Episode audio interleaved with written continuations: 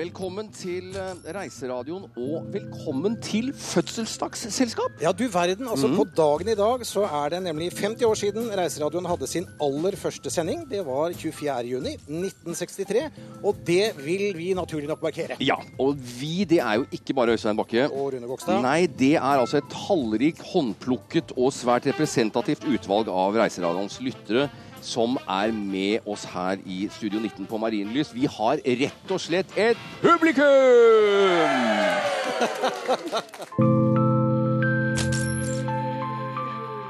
Det var jo en genial idé, fordi at eh, man, man feira på en måte eh, det som alle hadde gått og drømt om gjennom en lang vinter, nemlig at nå er det sommer. Ja, det var eh, en ganske utrolig opplevelse for oss da, som var unge den gangen. Dette var jo 1963, Bjørn Geir Harsson husker den aller første sendingen. og jeg var selv eh, 23 år.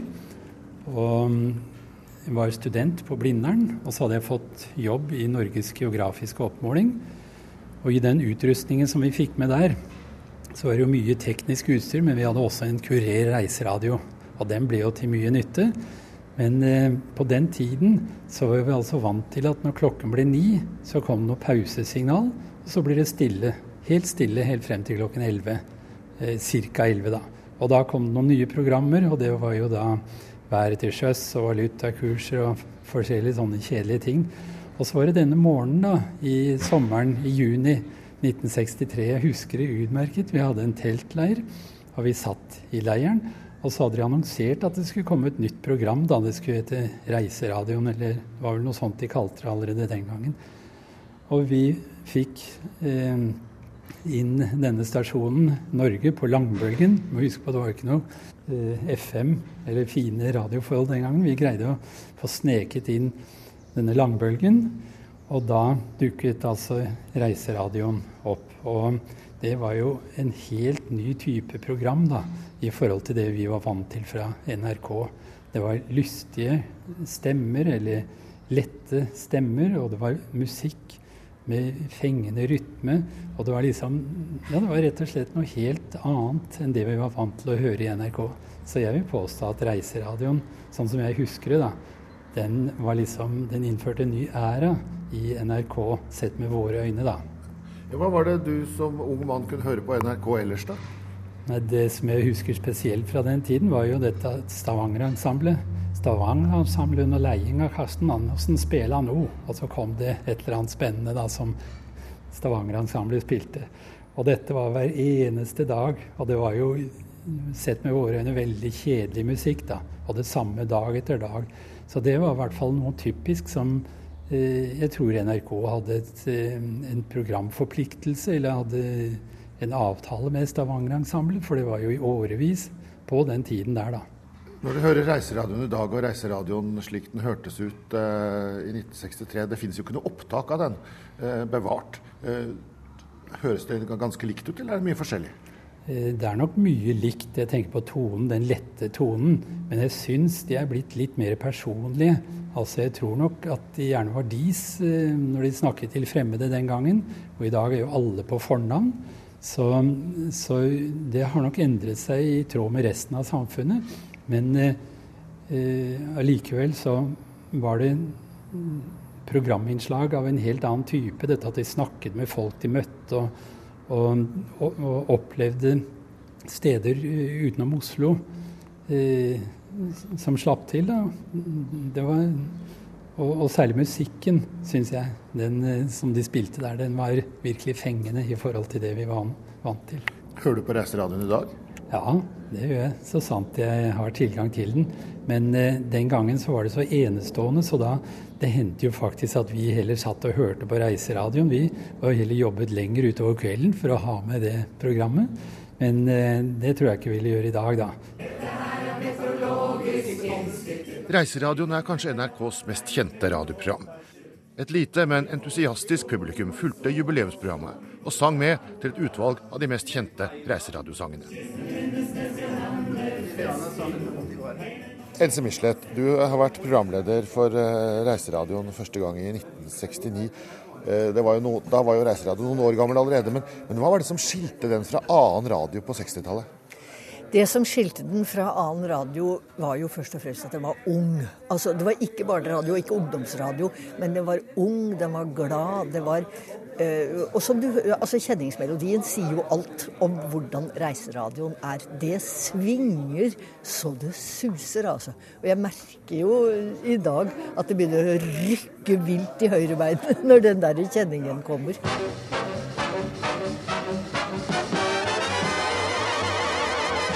Men det var en uh, underholdningsløs jakke, og samtidig mye god og viktig informasjon som også ble spredt til feriefolk. Men det var altså mange uh, Så langt tilbake så var det jo pauser i sendingene fra NRK. Og da var det Johan Vigelands tanke at vi skal jo ikke sende pauser, vi skal jo sende radio. Og det skal være hyggelig og morsomt.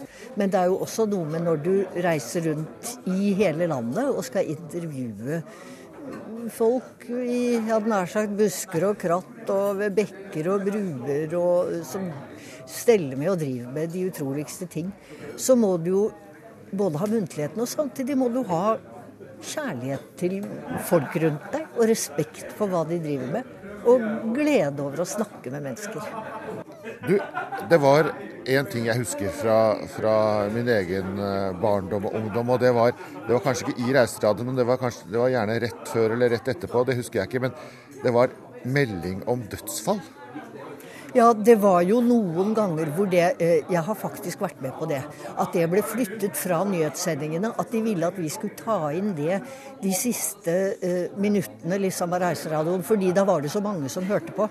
Og det var helt forferdelig å skulle sitte der og avslutte en eh, festlig og hyggelig og glad og lystig time med å si at sånn og sånn må ringe hjem, hans far er død. Og så skulle det være ti sekunder stille etterpå. Så det, jeg tror det var én, kanskje to somre, og så nedla vi så sterk protest at det ble flytta vekk fra oss. Men undulater etterlyste dere? Undulater har vi etterlyst både da og siden. Men eh, hvorfor, hvorfor har det vært viktig å ta sånne melding én-til-én-meldinger, for å si det sånn, sånn som undulater og, og sånne ting? Det er noe veldig hverdagslig og hverdagsmenneskers hverdag, for å si det sånn. Og det har jo hendt at undulater, gud hjelpe meg, er blitt funnet også, takket være Reiseradioen. Gratulerer! Og etterpå kunne programlederne Øystein Bakke og Rune Gokstad puste ut og tenke over hvorfor programmet har holdt seg i 50 år. Jeg, tror engelskmennene har et, et, godt uttrykk som jeg ikke helt har klart å oversette. Same, same but different. Altså, Reiseradioen har hatt mange av de samme elementene i seg siden, uh, siden starten. Uh, det er noen faste stolper, det er uh, Redningsselskapet, det er en prat med meteorologen, det er den samme kjenningen. Og så insisterer vi på at det er sommer. Ja. Vi insisterer på at det er sommer og at det er sol, og at 15 eh, grader er varmt nok til å bade i, hvis du bare mener og er enig i at det er sommer. Og den, den sommerfølelsen som man klarer å formidle gjennom reisen, er nok det som folk gjerne vil ha når de har ferie. Ja, og så er det noe med det at eh, man har klart å, å holde på samme, den samme stemningen gjennom 50 år i en ellers ganske omskiftelig verden. Så jeg tror vi alle sammen har behov for noen få sånne eh, ankerfester som vi, som vi kan hente ut gamle minner fra, og det tror jeg vi kan. Det, det skjer med Reiseradioen. Men eh, hvordan har Reiseradioen forandret seg? Du snakker om at det er mye likt, men den har vel også forandret seg de årene dere har vært med? Jeg syns i bemerkelsesverdig liten grad vi, vi begynte i Reiseradioen i 19 1988. Eller vi begynte å levere i 1986, og så vi vel, kom vi med i 1988. Og jeg syns at, at, mye av den samme stemningen er der fremdeles. Det er fremdeles et veldig veldig hyggelig program å lede, og det er en fantastisk hyggelig redaksjon å jobbe i. Du, En ting til. Undulater. Er det fortsatt undulater i Reiseradioen? Nei, det er veldig få. Jeg tror papegøyene har tatt over. Ja, ja, ellers så har vi fått så mye penger her i landet at vi ikke lenger holder oss med, med en, et sånt sett med undulater undulater. Jeg lurer på om undulater som, som husdyr ikke er så populære lenger. Altså. Nei, det er mulig. At, vi, at vi nå kjøper vi andre dyr. Nå kjøper vi hunder og, og rasekatter. Jeg vet ikke. Men, Rasekatter, veskehunder og dyrepapegøyer. vi, vi, ja, men vi lurte på det, skjønner du, fordi så langt i, i sommer så er det, er det, det papegøyene som er stukket av. Så vi, og vi lurte nemlig på om, om de har fortrengt undulatene. Jeg lurer på det. Eh, rett og slett, altså. Og dere, dere etterlyser fortsatt? Ja, ja, ja, ja. Hvis, hvis de blir borte, så gjør vi det. Og, de, og hver, så jeg bor ikke så langt unna eh, Ullern kirke med kirkegård. Eh, og hver sommer så var det en flokk med undulater som eh, kretset rundt der, for der møttes da undulatene. Men for all del, hvis du har lyst til å komme på radioen, bare kjøp deg en undulat, slipp den ut, og så skal vi melde den, vi, altså. Sjefen for Reiseradioen heter Stig Holmer. Det jeg tenker på av og til, er at det, det er viktig og alvorlig å lage god underholdning for folk. For det eh, utgjør en stor del av livsinnholdet til oss alle sammen, nesten, tror jeg. At vi trenger eh, å få tilført noe som gleder oss, og som eh, adsprer tankene våre, og som kan få oss til å le.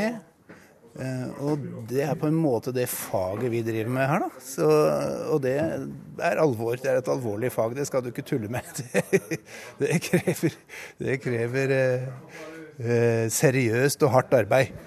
Ja, for det er jo ikke alle som eh, lytter på Reiseradioen som sitter på stranda eller på hytta og har ferie og er lykkelige og glade. Nei, nei, nei, nei, det er det jo ikke. vet du. Eh, Alle, altså, å tenke på det eh, Vi har jo, så Det varierer mellom en 600 000 til 1 million lyttere på de to timene vi har på lufta. Å prøve å forestille seg det utvalget av mennesker, hvem de er, hva de holder på med, hvor de befinner seg, hvordan de har det, det er jo både nesten skummelt, men også helt fantastisk. Den variasjonen Eh, Og at vi klarer å nå ut til alle disse og gi noe, et eller annet som, eh, som treffer, som gjør at de vil høre på oss, til alle de forskjellige menneskene, det er en fabelaktig tanke. Hvor viktig er det for Reiseradioen å reise? Det er ikke alle år det har vært eh, reist så mye. Ja, nei, Det er nesten sånn at det har blitt viktig for NRKs budsjett at vi ikke reiser i de siste åra. Men i år så slår vi oss løs og drar altså eh, Denne uka så starter vi nå med en tur eh, til tolv forskjellige bygder og byer og skal lage sendinger ute fra torg og, og, og fra noen gågater og fra noen brygger. Ja, men jeg tipper at det er ganske populært å være programleder i, Reiseradioen. Hvordan velger du ut de som får den ære? Vi har gjerne en intern utlysning. Det er som regel folk som allerede jobber i NRK som blir programleder. Derfor så har vi en eh, intern utlysning på det interne nettet vårt, eh, nettstedet vårt i NRK, og så melder folk seg. Eh, Og eh, Det er ofte mange som vil, men når det kommer til stykket, når de oppdager at eh, Reiseradioen jo går om sommeren, og at de også hadde tenkt å ha ferie, så blir det noen ganger litt vanskelig da, å få alt dette til å gå i hop. Så derfor så blir det ganske mange programledere i løpet av sommeren i Reiseradioen. Men det, også, det gir også litt feststemning. God morgen, alle lyttere i Norges land. Her er jeg fra Bergen. Og det har ikke bare vært kjente programledere, også mange humorister har gledet lytterne. Her hørte vi riksturistsjefen, men Harald Hede Steen hadde også flere figurer. dagen. Dette er jo veldig tidlig å dra opp folk på eh, Det er jo midt på natta, nesten, dette her. Ja, men det er lust. Det er lust. Når jeg har Det er ikke det, men det er når jeg er lust. Om sommeren, det er lus kvelder, lusenutter. Og så var det han frekke på telefon, da. Hallo, det er Reiseradioen. Å, hør den, da. Hallo, det er Reiseradioen. Du, kan ikke du ta det Hold opp, hør her. Kan ikke du ta det en gang til, du? Hallo, det er Reiseradioen. Det, det, det er dame Wisling. Jeg mener, er ikke det kvinneåret over nå, da? Altså alvorlig talt, hvis det skal Ja, hvem er det som Du, ringer? ja, det er spennende. Har du Mørejarlen der? Møre... Ja visst, ja. Mørejarlen. Osvold. Det er vel deg, det, vel. Ja, det er Osvold, hallo. Hallo? Ja, det er Osvold. Marco Polo her? Bjørn Sand som Stuttum. Og ikke minst legendariske Edmund Bakken. Kjell Aukrust på eventyr med Kjell Syversen. Skal jeg vente med propellen, sa du? Nei, det er ikke klart. Oppfattet. Ja, oppfattet. Propell går. Nei! Ligg unna propellen, har jeg sagt.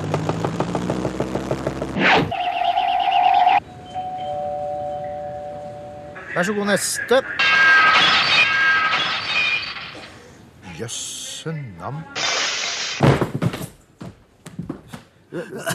Hvor kommer du fra? Jeg kom, jeg kom sidelengs tvers gjennom den store glasstruta der Jeg, der. kan ikke, kan, kan ikke komme gjennom tollen på den måten der. Henrik G. Bastiansen er mediehistoriker ved Høgskolen i Volda, og har også vært med å skrive NRKs historie.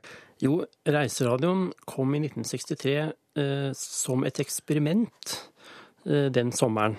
Eh, det var Johan Vigeland som jobbet i radioens underholdningsavdeling, som var den som tok initiativet til det. Og eh, han hadde altså en idé til en morgensending mellom ni og ti med småprat fra studio og lett grammofonmusikk. Det ligger en del eh, historie bak denne lanseringen av Reiseradioen. Og det er, det er, egentlig ganske interessant, fordi radioen var på mange måter eh, kommet inn i en bakevje tidlig på 1960-tallet. Det var jo fjernsynet som var den store tingen eh, etter åpningen av TV da i 1960. Og TV var det store eh, mediet for nordmenn. Og tiltrakk seg all eh, oppmerksomhet. Og dermed ble radioen på en måte en sånn kom, kom, litt på siden av utviklingen. Hva, hva skulle radioen gjøre i denne nye TV-alderen?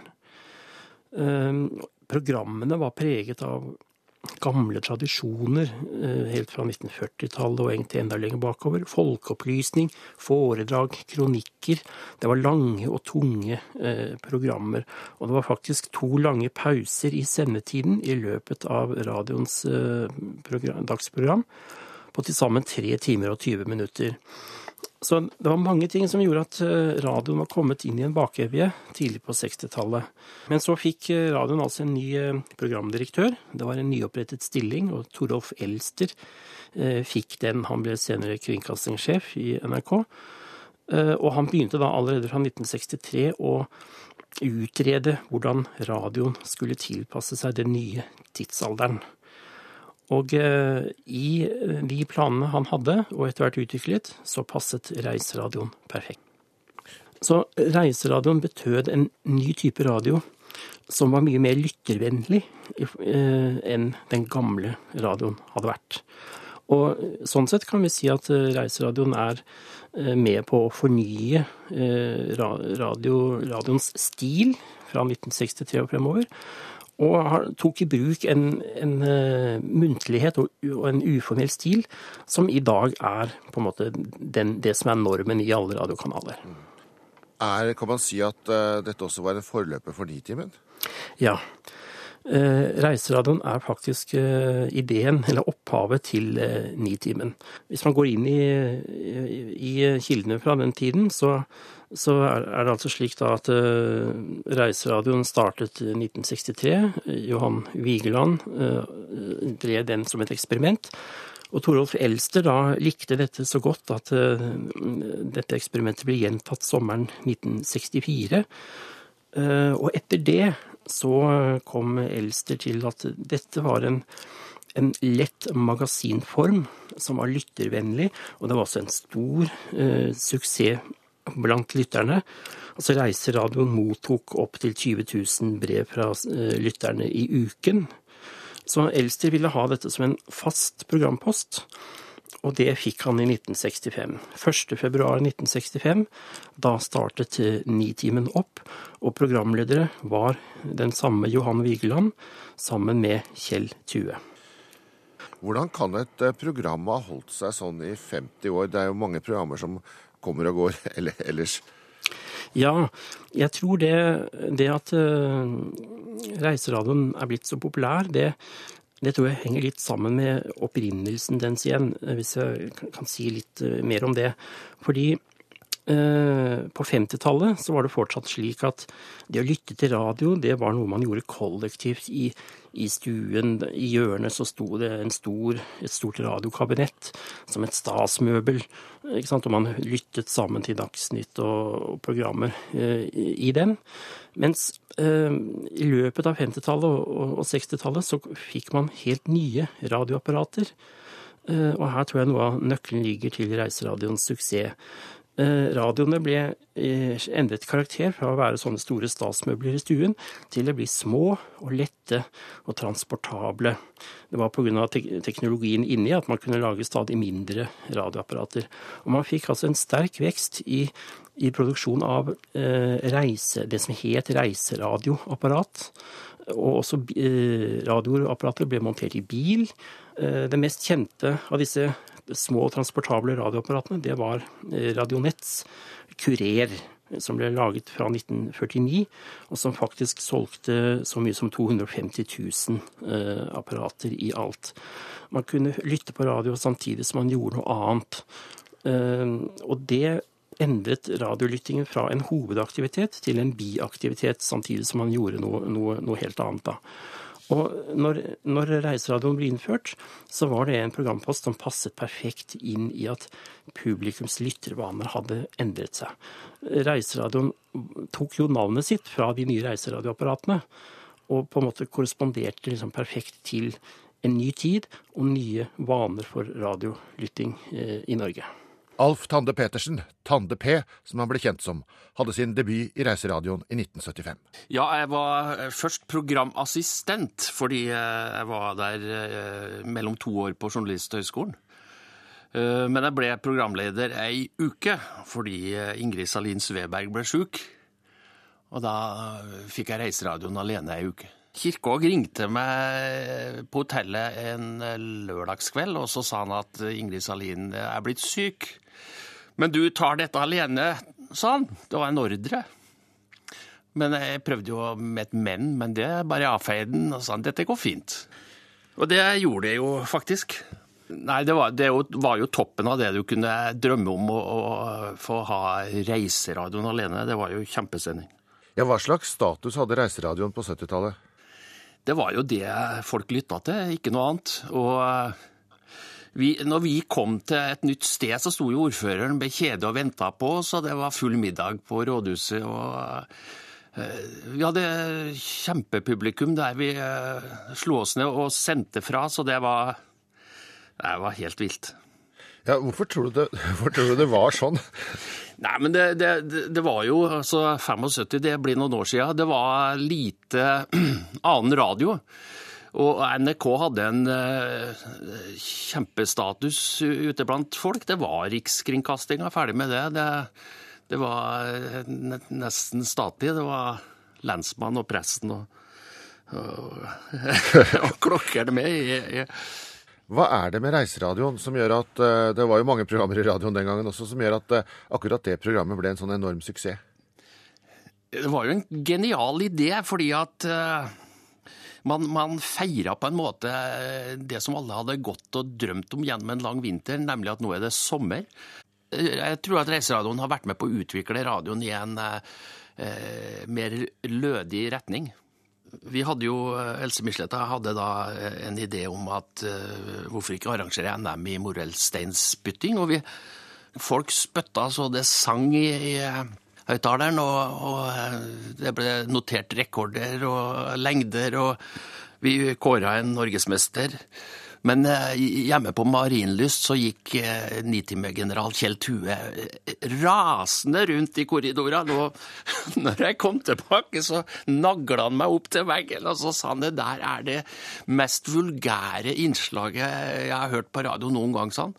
Og jeg ble lei meg fordi at han var en kjempehyggelig fyr. Hvordan var arbeidsdagen for dere som eh, jobbet der? Ja, den, dagen, den gangen så var det jo eh, ordentlig reiseradio. Vi, vi, eh, jeg var ute på veien i 64 dager i trekk. Og nå flyr jo folk rundt med en ryggsekk på ryggen og lager reiseradio helt alene. Vi var seks personer i hvert team. Og vi kjørte i to biler. En eh, Opel Kapitein med NRK-symbol på sida og privatsjåfør. Bak fulgte da teknikerbussen med to teknikere. Så, så eh, det var en liten kortesje på turné. Hvorfor tror du at et sånt program har overlevd faktisk i 50 år? Det er jo ganske sjelden at programmet varer så lenge. Ja, altså jeg tror det er, det, det er verdenshistorisk, uh, dette at radioprogram går så lenge. Og det, det, det er denne nærheten til grasrota som er forklaringa, spør du meg. Eh, Reiseradioen har i alle år tatt eh, pulsen på Norge. Det er vanlige folk som eh, intervjues i langt større grad enn hva som skjer ellers i året. Vanlige folk, vanlige problemer, dagligdagse ting blir tatt opp. Altså, det er sikkert mange som ville sette seg ned og, og protestere vilt mot at man skulle bruke radiotid til å lese badetemperaturer. Men det gjør man i reiseradioen, det har man gjort hele tida. Og, eh, gjennom en sånn 15-20 temperaturer så har du sveipa over hele Norge. Det, det men du, de badetemperaturene, hvordan kunne dere vite at de var korrekte? De var aldri korrekte. Det, det var vi, vi, vi, måtte jo hva skal jeg si, ta, ta, noen fatt, fordi at det var plutselig strender med 3-24 grader, og vi visste jo at det var veldig dårlig vær i de traktene. Men altså, det er klart at turistanlegg de benytter sjansen til å trekke folk ved å uh, skru opp badetemperaturen en 4-5 hakk. Så Så det er bare juks? Nei, ikke bare juks. Jeg hørte på reiseradioen i dag, og da var det tre grader på Svalbard, og det tror jeg er riktig.